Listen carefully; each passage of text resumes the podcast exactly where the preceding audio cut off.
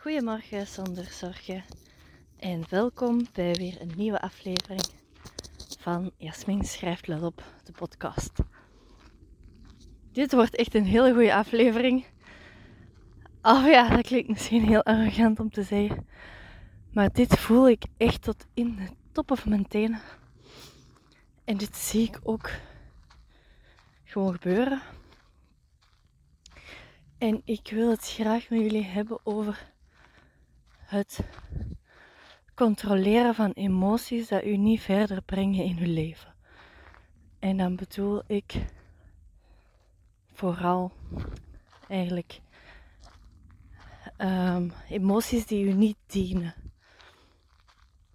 En dan bedoel ik eigenlijk ook niet per se uh, verdriet, want ik vind dat verdriet u wel kan dienen.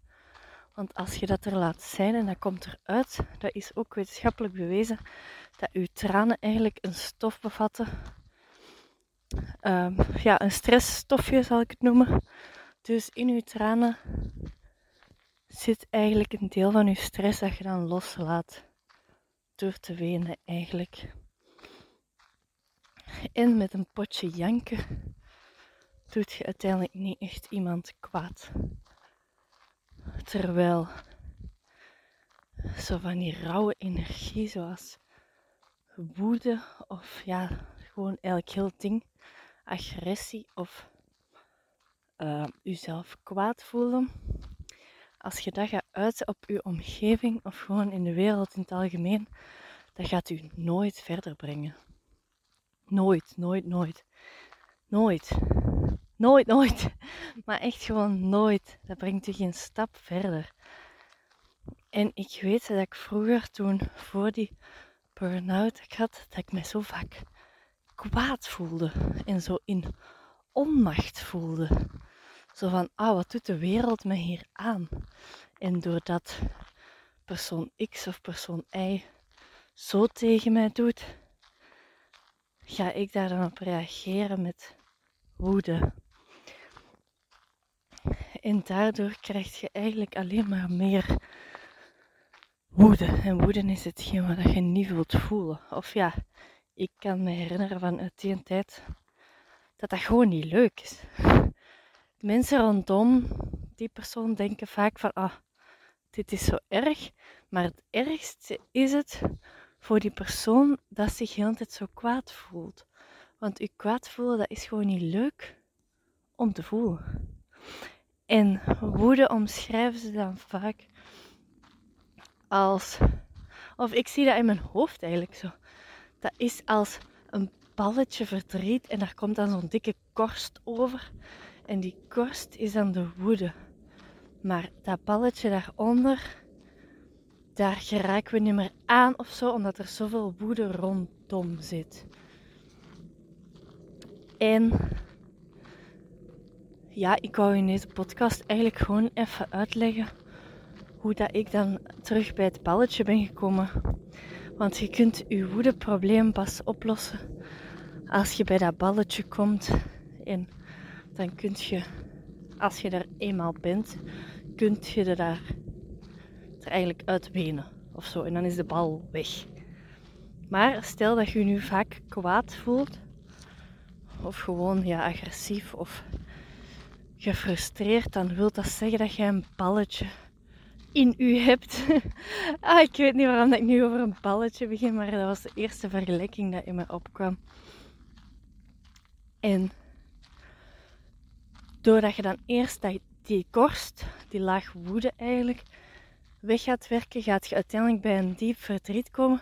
En als je daar hebt uitgewend, dan bent je terug wie dat je waart toen dat je bijvoorbeeld tien jaar waard. En dan bent je terug dat kind dat zo echt oprecht opgewonden kan zijn over kleine dingen. En terug echt, ah, dan bent je terug echt in het nu aan het leven. En dat gun ik echt iedereen, want dat heb ik zo hard gevoeld. Dat verschil, die switch van, van altijd maar in die rush en zo in dat lijden eigenlijk, dat ik eigenlijk echt wel zat, ja. Dat uw emoties, uw u eigenlijk overnemen en sterker zijn dan uzelf. Dat.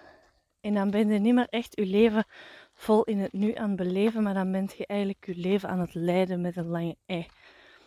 En altijd maar zo aan het uitkijken van, oeh, welke rampscenario's dat er nog gaan komen. En ja, dat zit daar allemaal bij in natuurlijk. Maar mijn tip, als je nog eens zo woede voelt opkomen in jezelf, of je beseft van wow, ik ben weer echt kwaad, dan vooral, wat je vooral niet moet doen dan, echt de gouden tip, reageer vooral niet. Ze zeggen dat ze wel eens van ja, tel eerst tot tien en doe dan niet. Maar dat is zelfs niet het geval. Ik zou echt gewoon jezelf afzonderen. En dat mag echt zeker langer dan 10 seconden duren. En dan gaat je zien, als je gewoon met jezelf daar zit en gewoon je gedachten laat voorbij komen, zoals ik al eerder zei, zoals wolken, dan gaat je zien dat die uiteindelijk, die emotie gaat weggaan. Vanzelf gaat dat liggen, dat boos gevoel. En dan pas, als je voelt dat dat boosgevoel weg is, dan moet je eigenlijk pas teruggaan bij de mensen of hetgeen wat je net getriggerd had om boos te worden. En daardoor laat je die woede eigenlijk niet iets, uh, hoe zeg je dat, naar de knoppen helpen of om zeep helpen. Want woede kan zoveel kapot maken en heftige woorden kan zoveel kapot maken zonder dat je dat eigenlijk wilt. Want woede komt altijd voort uit een pijn dat eronder zit. Iemand gaat niet zomaar ineens uit zijn kram schieten. Daar zit altijd een onzekerheid of een pijn of een angst onder. Hey, ik ben bang dat ze mij niet leuk gaan vinden. Uh, wat kun je nog hebben? Ik ben bang dat ik het minste ben. Of al die onzekere gedachten dat daaronder zitten die zeggen we dan vaak niet luid op uit angst om dan afgewezen te worden, doordat daar net het goud ligt. Maar dan gaan we in, in agressie schieten en zijn er echt veel mensen die ja, kwaad worden. En die onzekere gedachten die gaan we nooit uh, uitspreken. Of ik denk zelfs dat er veel mensen zijn dat die eigenlijk niet bewust beleven wat dat ze denken. Dus die weten ook niet wat voor onzekerheid dat er achter die woede eigenlijk zit. Maar eens als je al bewust wordt van, oh ik ben weer kwaad aan het worden en daar heb ik geen zin in, want dat is niet zo lastig voor u als voor uzelf. De enige die dat er echt, echt van afziet, bent jezelf. En je omgeving krijgt misschien een 10% mee van het ja, agressieve gevoel dat jij van binnen voelt. Er wordt zoveel energie daaraan verspild eigenlijk. Aan kwaad zijn. Want dat heeft geen nut, echt waar niet. Daar helpt je jezelf niet mee verder en niemand in je omgeving ook niet. Ik uh, las over laatst eens een interview met een Koreaan, denk ik dat het was. En was zo'n spiritueel leider. En die zei ook dat hij zich maar heel weinig kwaad had gemaakt in zijn leven maar als hij zou geleerd hebben om die keren dat hij dan eens een keer kwaad zou uh, was geworden, om die te vermijden, als hij dat toen had geleerd, dan zou hij nu tussen aanhalingstekens veel verder in zijn leven hebben gestaan. Dus dat kwaad worden, dat dient echt niemand. En stap 1 is eigenlijk je bewust worden van het feit, oh, nu voel ik dat ik getriggerd ben en dat ik kwaad ben. En vaak is dat dan een onmacht of onrecht of, een, of een onzekerheid. Maar dat hoeft je zelfs nog niet te weten wat dat het is. Gewoon dat je al weet van wow, ik voel dat ik hier kwaad aan het worden ben. En beseffen van oh, dat gaat mij niet verder helpen als ik dat hier op mijn omgeving gooi. Dan ben je echt al heel, heel ver. Want ik zie gewoon, of nee, ik zie dat eigenlijk niet direct nu. Maar ik hoor dat ook gewoon van verhalen van mensen. Dat emoties het overnemen en dat er daardoor vaak dingen stuk gaan en helemaal niet zo bedoeld wordt. Het zou gewoon echt heel heerlijk zijn als mensen allemaal vanuit hun hard durven spreken. En ik heb daar, uh, denk een paar podcasts geleden al iets over gedeeld. Dat ik zoveel kracht heb gehaald uit kwetsbaar zijn. Want daar, dat is dat balletje, hè. Ik kom niet meer tot aan de korst. Er komt geen korst meer over bij mij, want ik heb het direct over dat balletje. Wat wil ik daarmee zeggen? Bijvoorbeeld, uh, als er nu zoiets gebeurt wat dat mij onzeker maakt of mij onmacht doet voelen of mij al van dat alles, dan schiet ik niet in die woede. Want er is eerst dat verdriet. En verdriet dat wordt opgekropt, dat uit zich in die woede. Dus ik krop mijn verdriet niet meer op. Tegenover vroeger kon ik echt pa, 500 ballen in mijn lichaam laten opkroppen. En uh, ja, dan, dan uitte zich dat in heel veel woede dat ik van binnen voelde en oneerlijkheid en onmacht. En waarom overkomt mij dit nu? En zo heel die riedel dat je niet wilt denken.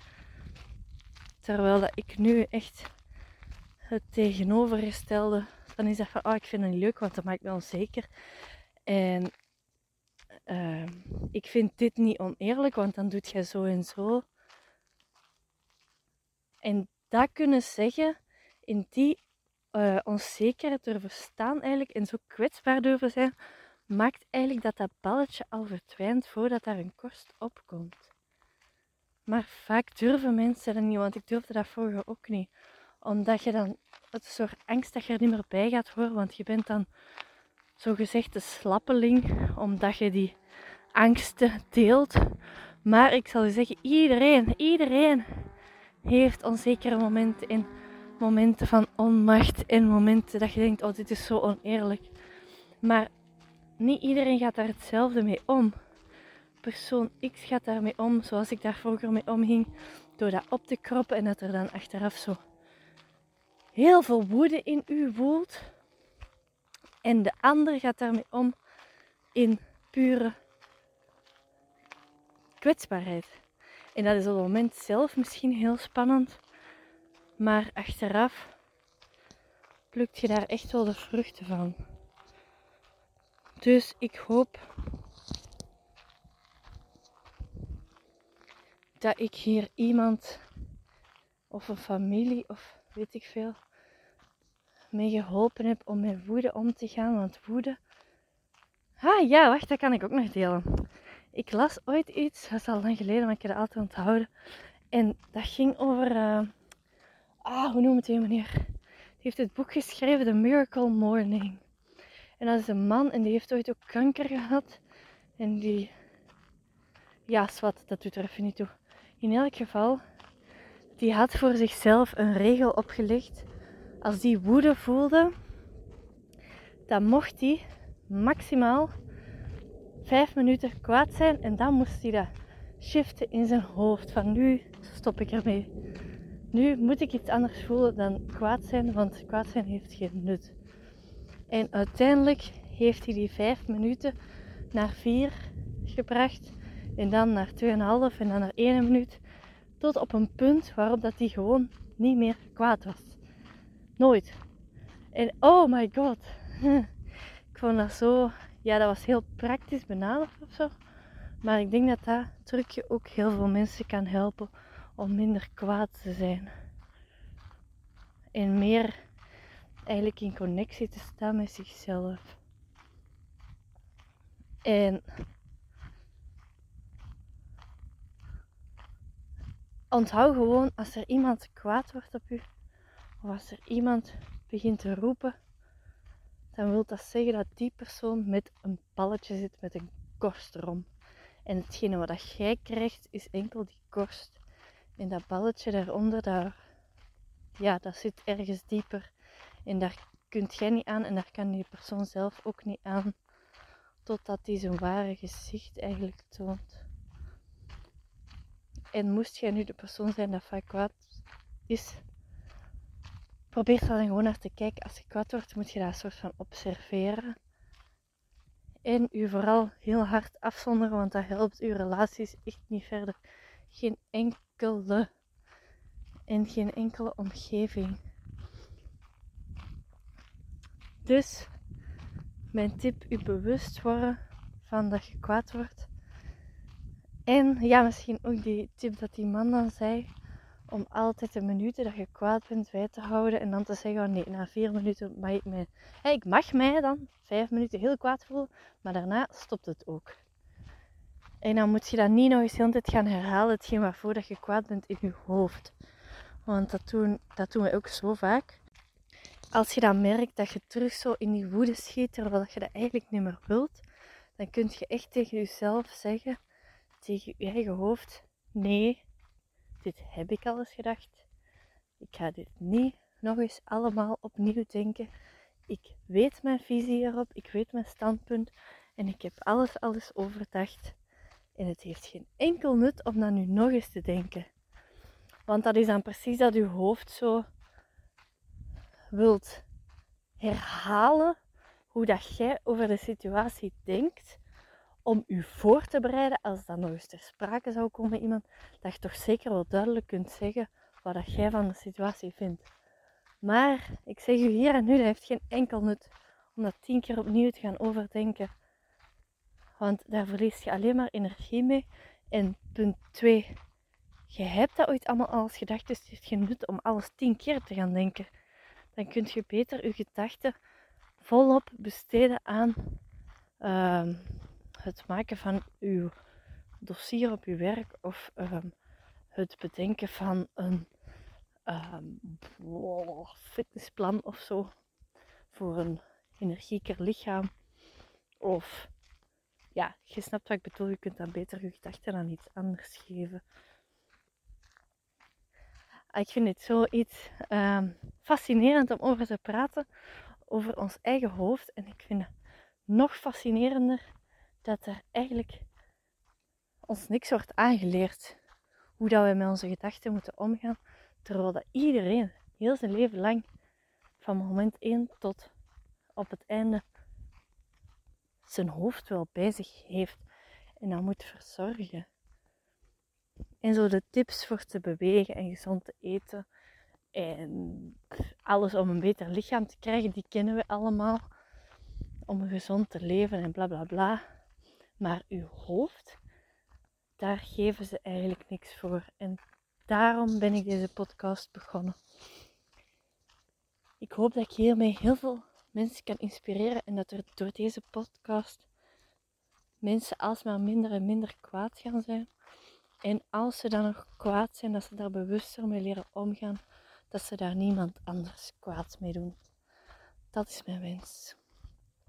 Dankjewel voor het luisteren en vergeet me vooral geen sterren te geven, want zo vinden nog meer mensen deze podcast en zo wordt de wereld nog een stukje blijer. Dankjewel.